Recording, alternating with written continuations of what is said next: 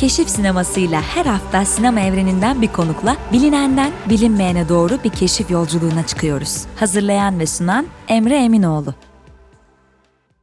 Keşif sinemasından herkese merhaba. Genellikle oyuncu ya da yönetmen konuklarla bugüne kadar geldik. Bugün sinemanın farklı bir alanından bir konuğum var. İstanbul Modern Sinema Küratörü Müge Turan'la beraberiz. Merhaba Müge, nasılsın? Merhaba Emre. İyiyim. Biraz geriye giderek başlamak istiyorum aslında. Ne Sinema... kadar geriye? çok geriye. Sinemayla ilk tanışmana, işte çocukluğunda izleyip sende iz bırakan filmlere giderek başlamak istiyorum. Bir dakika geriye gidiyorum şu an. Galiba ilk hatırladığım şey anneannemle sinemaya gitmek. Ee, onlar Erenköy'de oturuyordu ve şimdiki işte Boyner'le Marks and Spencer oldular galiba sanırım Suadiye'deki. Onlar aslında iki tane sinemaydı karşılıklı olan ve böyle işte anneannemin saati dong ettiğinde öğlenliğin e, bir filme giderdik. Atıyorum Grease'i hatırlıyorum mesela ilk aklıma gelen. Ama asıl bende iz bırakan ilk film Jaws oldu. Çünkü annemle babam birazcık da şuursuz oldukları için sanırım. Ben daha 7 yaşındayken Kızıl Toprak'taki sinemada beni o filme götürdüler ve her işte yıl e, çok uzun aylar Marmara Denizi'nde geçiren hani büyük çekmecede tatil yapan bir aile olarak ben o yaz denize giremedim mesela onu hatırlıyorum. Böyle çaktırmıyordum ama her seferinde denizden beni yemek isteyen şeyler olduğunu falan düşünüyordum. Dolayısıyla ilk hani sinema deneyimim bu ama tabii bir yandan da aynı yıllar evde sinema diye de bir şey var ve tam video e, yılları. Dolayısıyla ben ve kardeşim Taylan hunharca korku sineması tüketiyoruz.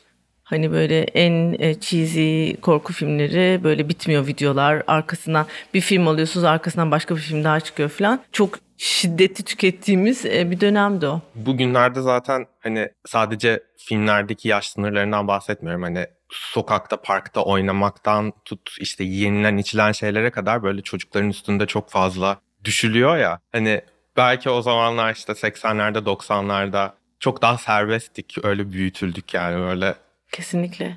Ya televizyonda da öyleydi sanırım. Mesela Clementine'le işte bu e, V dizisi mesela benim işte tam yine çocukluk ergenlik yıllarıma denk geliyor ve o iki diziden bir tanesi animasyon olmasına rağmen çok etkilenmiştim. Birinde şeytan her bölümde birine görev veriyordu ve o şeytan ateşti ve beni çok etkiliyordu ve hiçbir şey göründüğü gibi değildi yani V'de de öyle ve ben o galiba o temadan çok etkilendim. Dediğim gibi biraz daha serbesttik galiba. Hı hı. Bir de yani o travmalar işimize de yaramıştır biraz. bir yandan da Türk filmleri var orada filan. Hani tecavüzcü coşkunların olduğu bir sonraki bir hani kuşak da var ve istemesen de onlara da gözün kayıyor. Merak ediyorsun. Hatta belki onları daha çok merak ediyorsun gibi.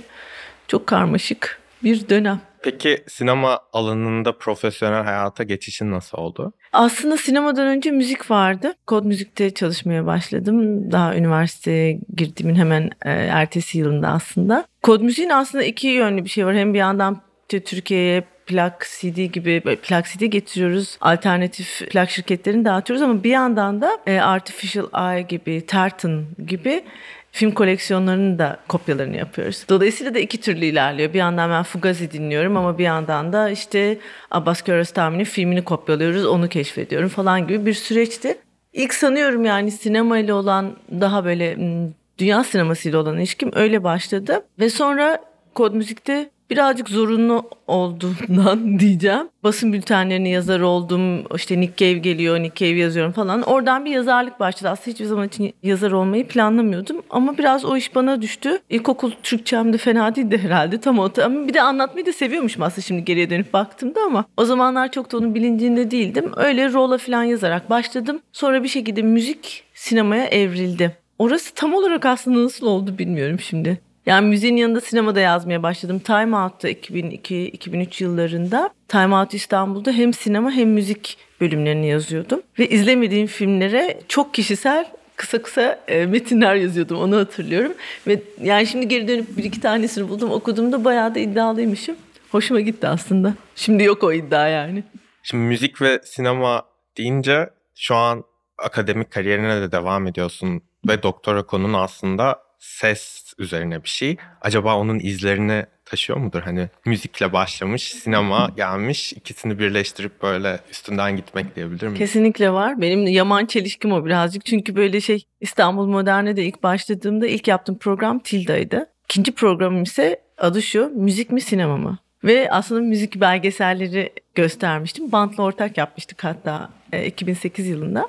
E, dolayısıyla hep öyle bir sorun var galiba. Bir, bir tanesini seç falan dedim ama bir türlü de seçemedim. Sesi seçmem başka bir şey bir yandan. Çünkü ses biz Türkçe'de hani e, İngilizce'de sound ve voice var ya biz ona ikisini birden ses diyoruz. Ama aslında benim bir- birazcık daha merak ettiğim şey insan sesi. İnsan sesinin bedenle olan ilişkisi. Bizi sadece terk ettiğinde var olan, bedene ait ama bedene ait olmayan bir şey. E, her şeyi çok böyle fascine eden bir şey. Bir de bizim Yeşilçam'ın dublaj olması o sesle beden ilişkisini hep böyle bir daha fazla düşündüren e, bir şey olduğu için oradan başladığım bir yolculuk. E, ama ses hiçbir zaman bitmiyor. Ses yani her şekilde her zaman ses duyarım. Müzik belki birazcık daha başka bir şey. Peki Toronto Üniversitesi'nde şu an doktora yapıyorsun ve hani bu Yeşilçam ve ses üstüne olan konu oradaki yabancı akademisyenlerin nasıl ilgisini çekiyor? Onu tam olarak ben de çözemedim diyormuşum. Ya dublaj genel olarak dünyada birçok ülkede birçok farklı gelenekte var olan bir şey. Ben birazcık Türkiye'de olan bir şeyin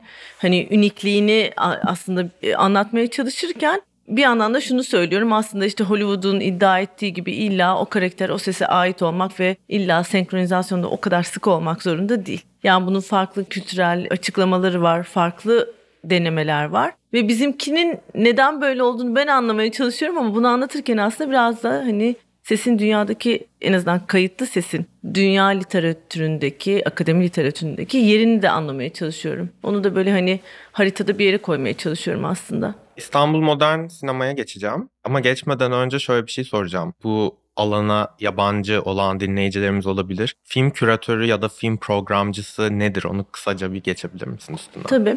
Küratör kelimesi aslında genelde modern sanat dünyası daha çok kullanılan bir terim. Belki o yüzden de film küratörü aslında Türkiye'de kendi film küratörü olarak tanımlayan kaç kişi var bilmiyorum. Dolayısıyla bu meslek aslında ve meslek olarak da çok yaygın bir meslek değil. Çünkü belli başlı kurumlar zaten bu işi yapıyor. E, film küratörü aslında film programcısıyla film küratörü arasında çok büyük bir fark olduğunu düşünmüyorum. E, ama belki film küratörü birazcık hani e, bağlı olduğu ya da e, o programı düzenleyeceği mekana, konseptine, göstereceği filmin formatına, filmler arasındaki bağlantıya bakan, birazcık gündemin e, nabzını tutmaya çalışan, biraz belki de hani onu sorgulayan, en azından daha ideal bir şeyden bahsediyorum ama hani böyle film yani film programları tasarlayan aslında biri. Ama dediğim gibi galiba bu, bu tanım çok fazla e, kullanılmıyor. Film programcısı da çok fazla kullanılmıyor. Özellikle yani daha çok festivallerle özdeşleşmiş bir şey olarak geliyor benim de aklıma. Evet zaten. oradaki e, yapılanma biraz daha farklı. Orada bir direktör oluyor. Ama aslında o direktörün arkasında da danışmanlar oluyor gibi. Bizim İstanbul Modern'de birazcık ben küratörüm. Böyle tek başımayım aslında şey olarak yani ama bir departmanımız var. Ama içerikle ilgili kararları genelde ben alıyorum. Aslında birlikte alıyoruz. Belkıs ve Yiğit biz üçümüz bir takımız. Ama ilk başladığımda tek başıma başladım. Ne zaman başlamıştın? 2008, 2 Mayıs 2008. O, o günden beridir de çok çeşitli programlar ve o programlara isim buluyorum. Yaptığın ilk programları demin aslında söyledin. Hı hı. Bir daha tekrar Tilda ile başladım ama aslında Tilda'dan önce o sırada Empire'de çalışıyordum ben. Örümcek Adam'la falan uğraşıyordum. Hiç bana göre değildi. Sayfalarca Örümcek Adam üzerine yazıları çevirip Türkçe'ye bir de onu daha da Türkçeleştirmeye çalışıyorduk. Yani hani bir dil oluşturmaya çalışıyorduk falan. Öyle bir işti. Ve çok takım arkadaşlarımı aşırı sevmeme rağmen, çok da eğleniyor olmamıza rağmen İstanbul Modern'den gelen teklif çok cazip geldi. Çünkü benim kendi dünyama daha yakın bir dünyaydı. O yüzden de ilk daha oraya henüz geçmeden Maddenin Üç Hali diye bir program serisine başladım. Ee, böyle sanatın farklı disiplinlerine bakan üç tane film. Daha henüz ama oraya girmemiştim. Girdiğimde ilk yaptığım film e, programı Tilda oldu. Tilda Swinton'ın böyle farklı işte Teknolas'tan e, şimdi tam hatırlamıyorum ama böyle 7-8 filmine bakan bir e, programdı o. Ve o zaman tabii 35'lik film gösteriyorduk. İlk öyle başladım. Tilda'ydı yani ilki. Ondan sonra da işte müzik mi sinema mı? Sonrasını hatırlamıyorum. Ben de kendi arşivlerimi, notlarımı açtım. Biraz üniversitem şehir dışında olduğu için üniversite yıllarımda pek uğramamışım İstanbul Modern Sinema'ya. Ama mezun olduktan sonra çok sık gitmeye başlamışım. İlk gittiğim programlar da 2010'da Sıfır Derecede Aşk ve İdare Edemem Anne diye iki tane Nordik program vardı. O zaman böyle Nordik sinemayla ilgilenmeye başlamışım ve çok da bulunan bir şey değil festivaller dışında. Hani DVD'si de çok bulunmuyor. Zaten dijital platform diye bir şey yok öyle filmler çok erişilebilir değil. O yüzden böyle bu programları görünce aa hiç duymadığım Finlandiya filmleri, işte İsveç filmleri, Norveç filmleri şey izlemişim. Let Right One In'le Julio Medem'in Kutup Çizgisi Aşıkları onları izlemiştim daha önceden. Nord diye bir tane Norveç filmi vardı. Onu festivalde izlemişim o sene. Şeyi de Lucas Moodyson'un Fucking Amal ve Christopher Boye'nin Allegro filmlerini siz de izlemişim. Ee, son ikisini hatırlamıyorum kesin göstermişizdir. Ee, idare edemem annenin de adı çok hoşuma gitmişti. Evet. O zaman böyle e, bir tane YouTube videosu vardı sanırım. Bir tane çocuk idare Evet. edemem anne idare edemem diyordu. Ama çok iz bırakmıştı gerçekten.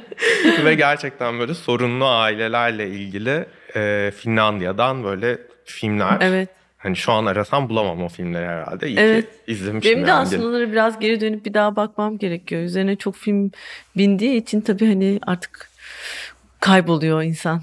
bir yerden sonra da şeyler çıkmaya başlamış. Hani artık gelenekselleşen böyle İstanbul Evet. Modern her sene beklediğimiz film Evet. programları var aslında. İşte Oscar'ın yabancıları var. Biz de varız Türk sineması seçkisi Hı hı. var. Yönetmenlerle buluşma oluyor. Her sene bir yönetmenle galiba Türkiye'den. Evet. Bir de işte yabancı yönetmenlerle ilgili X hakkında her şey işte. Evet, onu Haneke çok ile başlamıştı galiba. Orada Haneke filmlerinin de eksiklerimi oradan, eksiklerimi değil o zaman ilk Haneke'lerimi orada izlemiştim yani. Evet. Bu artık gelenekselleşmeye başlamış programlar her yıl tekrar ettikleri için bunları hazırlamak daha kolay diyebilir miyiz yoksa sürekli aynı challenge'larla karşılaşıyor musunuz? Yani galiba o programlara başlarken hiçbir zaman hiçbirinin bir seriye dönüşeceğini düşünmemiştim. Biz de varızı yaparken hatta böyle o kadar az gösteriliyordu ki o 2012'de gösterdiğimiz filmler ki işte Seyfi Teoman'ı almıştık. Ee, mesela Tepe'nin Ardı falan vardı. Ve o filmler bugünkü yani Emin Alper'in filminin gösterileceği bir ortam ortamlar yoktu. Hiçbir şey yoktu. O yüzden de biz de varız gerçekten böyle adıyla ilgili sonradan kendimi de hani bir teste tabi. Doğru bir, doğru bir isimdi gerçekten diye ama hakikaten o zaman için hani ötekinin daha çok var olduğu, daha farklı yollar, daha farklı diller deneyen yönetmenlerin filmleri vizyonda yer bulmuyordu. Öyle bir şey yoktu. Ve onları izleyeceğimiz başka alternatif platformlar da yoktu. Başka sinema da yoktu. Başka hiçbir şey de yoktu yani. Dolayısıyla da hani bizde varızın e, e, yeri önemlidir. Yönetmenlerle buluşma ise benim karşılaştığım en büyük kalabalık hep yönetmenlerle buluşmada oldu. Özellikle Zeki Demirkubuz, Onur Ünlü gibi yönetmenleri ağırladığımızda o sergi salonu işte 800 kişi geldi ve Türkiye'nin farklı yerlerinden tekerlekli sandalyelerle gelenler, ellerinde resimler falan böyle sanki bir rockstar ağırlıyormuşuz gibiydi özellikle Zeki ile yaptığımız söyleşi. Dolayısıyla yönetmenlerle buluşma aslında birazcık daha geriye dönüp bakılan bir kez daha hani bugünden baktığımızda ne ifade ettiğini çözmeye çalıştığımız, kapıyı birazcık aralayıp da ne vardı orada diye biraz daha derine inmeye çalıştığımız bir programdı ki e, son aslında en son yanılmıyorsam, hafızam beni yanıltmıyorsa Pelin Esmer'le yaptık. Orada da tabii aslında hani Türkiye sinemasında ne bileyim şöyle bir hani 6-7 film yapmış yönetmen sayısı yeni Türkiye sineması çok da yok. O yüzden de böyle hani yeni yeni binada yapmaya devam edeceğiz. Hakkında her şey programı benim için özel program. Çünkü tam sinefil e, programı aslında. Daha böyle hani her şeyini istediğimiz. Özellikle ben şeyde çok kastım diyeceğim gerçekten Kişlovski'de. Bütün gittim Polonya'daki bütün televizyon kanallarından o filmleri toparladım. Ve dünyada bir ilkti o. O kadar Kişlovski filminin bir arada gösterilmesi başka olmamıştı. Ve buna tabii ki gurur duyuyordum. E, filmleri geçtim. Dekaloğun tamamını göstermek bile Evet. Böyle bayağı bir hani işte sonuna kadar dipsomani şeklinde bir şeydi o. Onun bende ayrı bir yeri vardır ki ona da çok şiddetli bir şekilde dönme ihtiyacı hissediyorum ama onun için gerçekten yine de fiziksel mekanda olması daha tercih ettiğimiz bir durum. Onun haricinde Oscar'ın yabancıları gerçekten adından kaynaklanan bir şey olduğunu tahmin ediyorum. Çok ilgi gören, böyle kapılarda beklenen kuyruklar, dizime yapışan e, izleyiciler, ağlayanlar. Ya benim için biraz öyle bir şey Oscar. Yani şey Halbuki onun da adını koyarken yine onun bir seri olacağını düşünmemiştim aslında ama onun gördüğü ilgi karşısında biz bunu bir seriye dönüştürelim dedik. Kolaya kaçmak mı? E başlığını bildiğimiz bir şeyin altını doldurmak belki birazcık daha kolay olabilir aslında. Ama bir yandan da her bir programın kendi e, zorluğu var. Bu bazen hani o seçkiyi oluşturmaktaki denge olabilir ya da işte kopyalar olabilir en basitinden. E, çünkü tam öyle bir zamanda gösteriyoruz ki bazı dağıtımcılar vermek istemiyorlar. Çünkü bizim bir de perşembe günleri ücretsiz oluyordu ya da şu anda çevrim içi olduğunda hep ücretsiz. Dolayısıyla da bu e, bazı şirketlerin tercih etmediği bir durum. Dolayısıyla da yani e, kolaya kaçmak demeyelim ama tabii ki tutan bir şeyi devam ettirmek belki zaten böyle bir ikilemi getiriyor. Ben yani mesela Oscar sezonunu çok aşırı yakından takip ediyorum. O yüzden mesela işte hani aday olması çok yüksek ihtimalde olan her şeyi mesela Oscar'ın yabancılarını gösterdiğiniz zaman izlemiş oluyorum zaten. Benim için orada şey çok önemli oluyor. Daha önce Türkiye'de hiç gösterilmemiş hatta böyle kolay internette bile bulunmayan bir filmi Avrupa'daki, Balkanlardaki bir ülkenin ya da Afrika'daki bir ülkenin ya da Uzak Doğu'daki bir ülkenin adayını izleme fırsatını bulmak yurt dışında bir festivale gitmeden çok zor bir şey.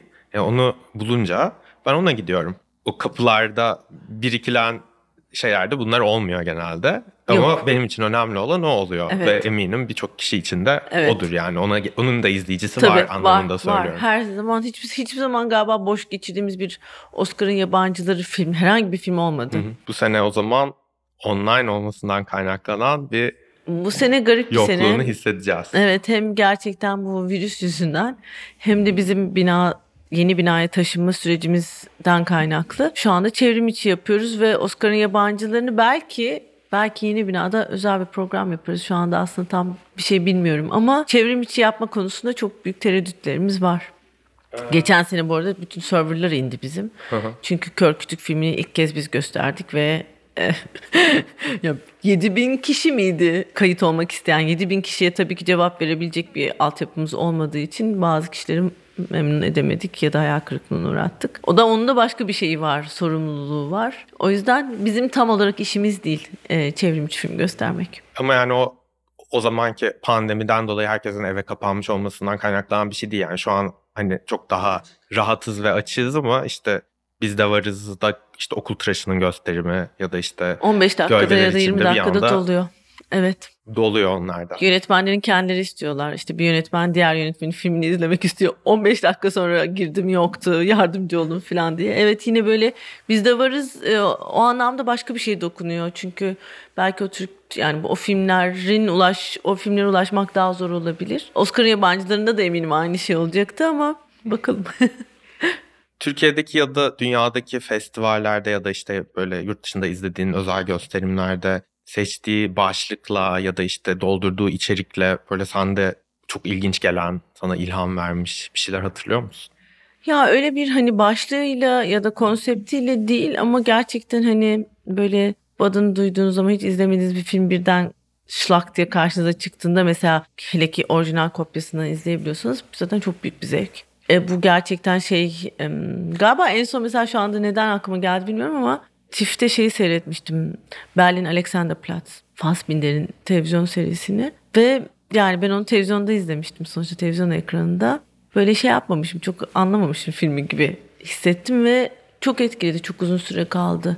Ya da La Flor falan gibi hani daha böyle biraz daha konvansiyonel izleme ritüellerini kıran filmleri mesela sinema salonunda izlemek çok keyifli. Onun dışında işte 8 mm 16 mm gibi daha böyle peliküllü izlediğimiz fiziksel daha materyalle ilişki kurduğumuz gösterimler beni çok etkiliyor halen.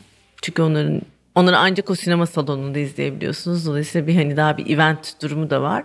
Şimdi belki biraz daha düşünsem gelir aslında aklıma ama böyle tematik olarak aklıma bir şey gelmiyor. Daha çok zaten hani böyle hep belki işte televizyon ekranında izlediğim şeyi gerçekten böyle çok kaliteli işte 4K o dev ekranda izlemenin verdiği o süblim duyguyu hatırlıyorum. O hala çalışıyor bende yani. Onu- Ondan vazgeçemiyoruz. Hani eskiden deneyimlemiş olanlar olarak hani Evet. belki yenilere çok saçma geliyordur. Sinemaya gitmek bile saçma gelmeye başladı insanlara. Hani başkalarıyla niye film izleyeyim Evet. diyene rastladım mesela.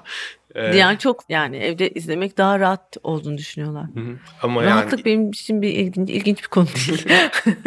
işin nostaljisi de farklı oluyor sonuçta. Onu yeniden yaşamak istiyorsun ya da işte televizyon ekranında ya da küçük ekranda izlediğin bir şeyi dev E, daha aşkın daha aşkın bir duygu uyandırıyor. Bir bir de gerçekten daha bedensel bir şey hissediyorsun. Yani bedenine daha çok dokunuyor.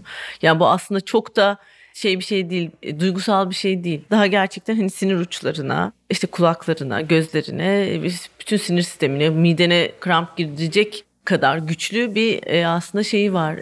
Duyusal bir etkisi var. Sanıyorum ben birazcık ona teslim oluyorum. Seviyorum teslim olmayı daha doğrusu. Bir de bu işin gereklerinden bir tanesi sonuçta festival festival dolaşıp hani insanlarla birlikte sinema salonunda film izlemek. Festivallerde en çok sevdiğin hangisi mesela? Festivaller arasında mı? Viyana'yı severim. Rotterdam'ı severim. Ama bunlar böyle çok uzun bir pandemi ve ondan önce de benim Toronto geçmişim olduğu için biraz ara verdiğim aslında festivaller. Ama Viyana'lerin o şeyini çok seviyorum. Orada şey kaygısı yok işte. ilk kez o bir filmi ilk kez izlemek gibi bir hani kaygı yok. Ama daha çok kafelerde mesela o filmi tartışmak var. Daha böyle ne bileyim James Benning yanında hani böyle böyle müdavimleri vardır genelde Viyana'lerin. Onlar her yıl giderler ve onlarla böyle hani bir kafede oturup ne bileyim içki içmek mesela daha eğlenceli geliyor. Çünkü öbürküsünün başka bir stresi ve e, endişesi var. Rotterdam'ın da seçkisini hep severim ben. Hmm, Başka bir böyle bir Bir e, yılın ilk şey vardı. festivallerinden bir tanesi Evet, sonuçta böyle. evet. Bu sene gidemediğim için yani online alındı. E, Ve online'da bir festival takip etmekte çok zorlanıyorum. Ya festival demişken dinleyicilerimiz bu kaydı dinlerken Berlin Film Festivali başlamış hatta bitmek üzere olacak büyük ihtimal. Belki de bitmiş olacak. Bilmiyorum şu an ne zaman yayınlayacağımızı. Hatta ikimiz de orada olacağız. Daha önce konuştuğumuz üzere. Ben izleyici olarak gidiyorum ama senin bir süredir farklı bir ilişkin varmış festivalde. Ondan biraz bahseder misin? Ee, normalde Berlin Film Festivali benim için hem biraz sinema yazarlığı birazcık da Goethe Enstitüsü ile birlikte düzenlediğimiz Almanya'dan yepyeni filmler programına küratörlük yapmak, ko-küratörlük yapmaktı. Fakat bu yıl Berlinale'nin forum bölümünün e, danışmanlarından bir tanesiyim. Dolayısıyla da ilk kez festivalden çok daha önce festivale gireceği belli olmayan e, filmleri izleyerek aslında festivale giriş yapmış oldum. Dolayısıyla üzerimden çok fazla forum filmi geçti diyeceğim. O başka bir şeymiş tabii yani o oluşum aşamasında yer almak. E, bir yandan da işte bu e, danışmanlara e, forum filmlerinde işte soru cevap gibi moderasyon yaptırmak gibi bir şey de var. Bakalım yani belki ilk kez Berlinale sahnesinde olacağım. Bu da ayrı bir heyecan. Şu anda düşününce bile çok heyecanlanıyorum. Ama bakalım festival nasıl olacak? İşte gerçekten aşı şeyiyle, testiyle, maskesiyle, e, kısaltılmış yeni formatıyla, marketsiz, talent yok, o yok bu yok. Ne, bize bizi ne bekliyor tam olarak bek bilmiyorum şu Yeni anda. Normal'in öncesindeki son festivaldi sonuçta. Ben de hatırlıyorum. Ben de oradaydım ve döner dönmez pandemi çıktı. Evet. Evlere kapandık. Şimdi işte ilk yurt dışı festivalim olacak mesela pandemiden sonraki. O yüzden heyecanlıyım ben de. Programdan önerebileceğin ya da işte özellikle forum kısmından önerebileceğin sonuçta Berlin programında olan bir sürü şey Nisan'dan başlayarak İstanbul Film Festivali ile başlayarak Türkiye'de de gösterilmeye başlanıyor. Hani bunu kaçırmayın dediğin şimdiden baktığın bir şey bir var mı? tane film söyleyebilirim. O da Kanada'dan. İkinci vatanım diyormuşum. Set Maison Bu Ev isimli film. Ee, onu tavsiye ederim. Açıkçası e, galiba forum o kadar çok forum filmi izledikten sonra tam resmi listeye henüz bakmadım. Şöyle bir baktım. O yüzden şu anda çok aklımda yok ve şu anda aklımda daha doğrusu yüzlerce film adı var. O yüzden onların içinden de hani cımbızlayıp bir şey çıkaramıyorum. Ama belki sen bana önerebilirsin mesela panorama veya yarışmadan filmler. Çünkü daha henüz Berlinale şeyine girmedim ben. Daha o havaya girmedim. Ana yarışmada çok sevdiğim yönetmenlerin yeni filmlerini gördüm. İşte Carla Simon, Summer 1993. yarı İngilizce yarı Türkçe söyledim filmin adını ama İstanbul'da da galiba Altın Lale değil de jüri özel ödülü mü ne almıştı birkaç Evet. sene önce. Onun yeni filmi varmış mesela ana yarışmada. Denis Cote var, Claire Denis var, François Ozon var. Fransız Fransız yani şeyinden. Yarışma bayağı iyiydi. Panorama'da ben panorama bölümünü özellikle çok severim. Orada birkaç şey gözüme ilişti. İşte Stranger by the Lake'in yönetmeninin yeni filmi var. İzlanda'dan Gudmundur Arnar Gudmundsson Hearthstone diye bir filmi vardı. Çok severim. Onun yeni filmi var. Türk asıllı bir Alman yönetmenin... Cem'in, Cem Kaya. Aşk, Mark ve Ölüm. Evet. O Ee, onun biz çekti. geçen ay şeyini yaptık. Cem'i buraya davet ettik Berlin'den. Hı hı. Cem bize filmden bir böyle e, preview yaptı aslında. Bütün o hani e, Almanya'da yaşayan Türklerin yaptığı müzik ya bütün o müzik hikayesini baştan sona başka footage'larla anlattı. Yani aslında filmdeki footage'larla anlattı ama onun dijital yapamadık çünkü telif hakları yüzünden iznimiz yoktu. Ama o salonda olanlar aslında filmin hani bir ön izlemesini yapmış oldu ve çok eğlenceli. E, hayatınızda görmediğiniz hani e, görüntüler sizi bekliyor diyebilirim kısaca. Çok merakla bekliyorum. Yani O zaman asıl tavsiyelerimizi Berlin'den sonra Evet. e, Özel vereceğiz. bir programda. Evet, senden de okurlar, benden de okurlar. Olur. İstanbul Modern'in programlarında belki bazılarını özellikle Almanya'dan yeni filmlerde Büyük görürler. ihtimalle. Berlin kısmını da sohbetimizin böyle kapayalım. Keşif sinemasının ikinci yarısında konuğumuzla bir yönetmen üstüne anlaşıyoruz ve onun hakkında konuşuyoruz. Senle de İtalya'dan bir yönetmen seçtik. Ee, Alice Rohrwacher. Öncelikle onu ve filmlerini neden sevdiğini aklına ben böyle sorduğumda neden hemen tak diye onun geldiğini söyleyebilir misin? Neden geldi acaba aklıma Alice? Şeyden dolayı olabilir.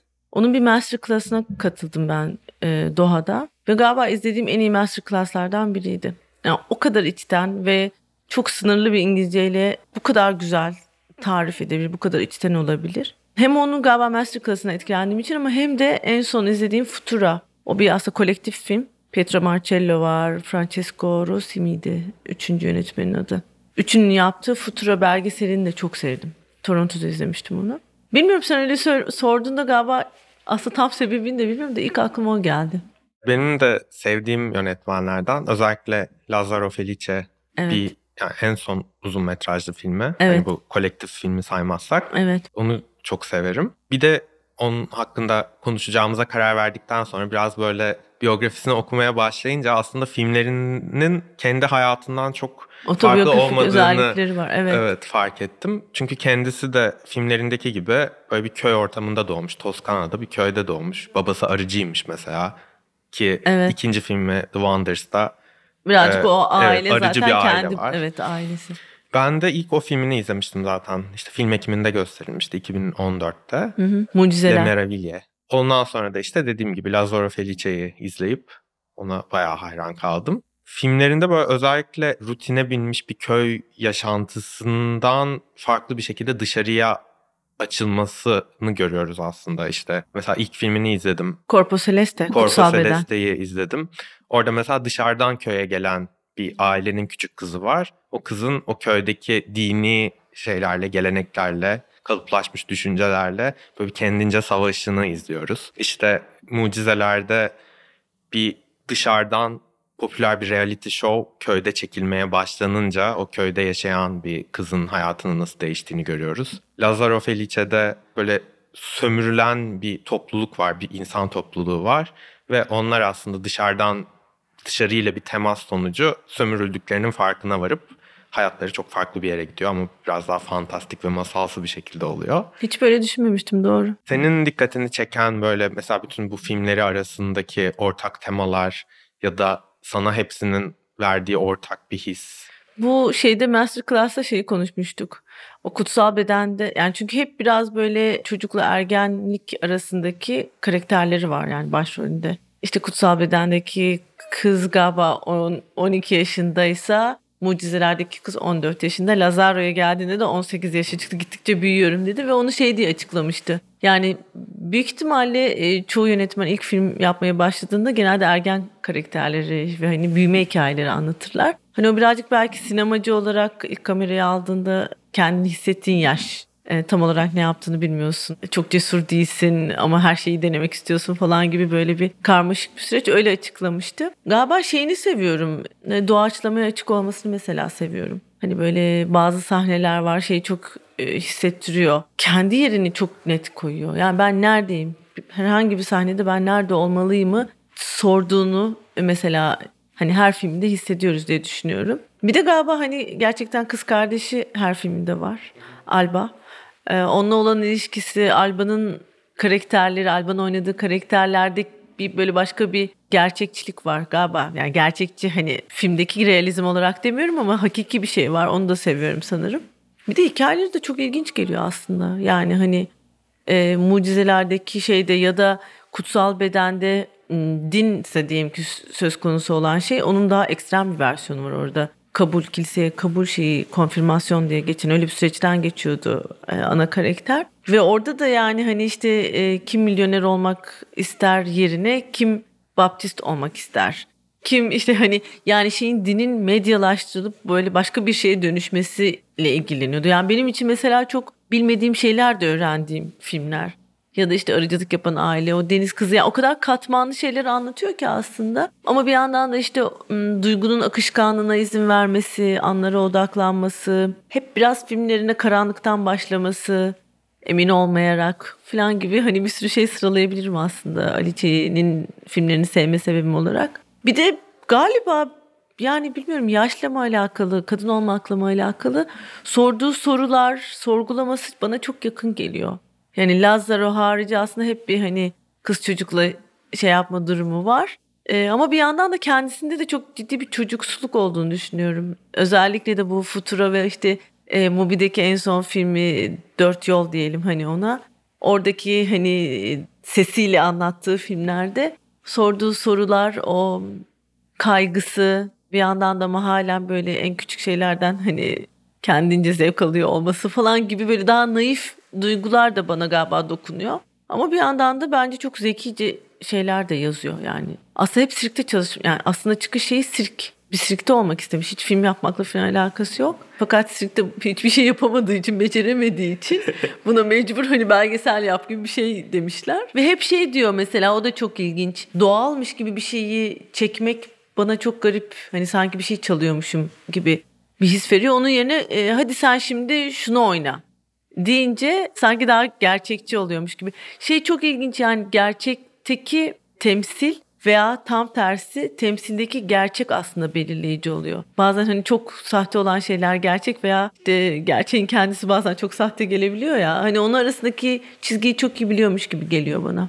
Bir de bu şeyden bahsettin işte şu an Mubi'de bir tane belgeseli var. Tam pandemi döneminde Pandemi herkes filmi. eve kapanıp bir şeyler üretmek isteğiyle yanıp tutuştuğu zamanda yapmış belli ki. İşte evde bulduğu bir kamerayla dışarı çıkıp evinden dört farklı yöne doğru komşularına doğru evet, gidip çok da basit bir fikir ama çekimler evet. yapıyor evet. Ama aslında filmlerinde yaptığı şeyden çok da farklı değil. Orada da hani bir yere kapanmış karakterler var ve yeni bir şey keşfetmeye çalışıyorlar ya da yeni bir şey karşılarına çıkıyor onu anlamaya çalışıyorlar. O yüzden çok da ayrıksı gelmedi bana yaptığı şeylerden. Çünkü bütün filmlerindeki ortak bir özellik olarak şundan da bahsedebiliriz aslında kişisel psikoloji değil hep kolektif psikolojiyle ilgilenen biri. Ee, hani işte dört yolda nasıl komşuların yardımıyla belki daha uzun yaşama ihtimali varsa daha mutlu olma ihtimali. Bütün filmlerini dönüp baktığımızda aslında tek başına mutlu olmak mümkün değil. Yani illa hani bir toplum, bir topluluk e, üzerinden aslında bunun anca değerlendirmesini yapabiliyor. O bence çok önemli bir şey. Aklıma şey geldi onun sinema salonunda film izleme belki hani gönderme olarak.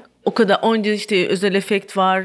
Her geçen gün hani daha çok etkilemek istiyor hani ekran bize ama yine de bana hani en mucizevi, en e, e, özel efekt bir karanlık odada birbirini hiç tanımayan insanın oturup da aynı şeye bakıp da farklı hisler besliyor, besliyor olması, aynı nefesi soluyor olması demişti. Bence çok doğru bir şey. Yani e, yani bendeki his de o daha doğrusu doğru dediğim benim için doğru. Dolayısıyla hani şey e, biraz böyle e, oyuncul birazcık da çekingen e, bir tavrı var.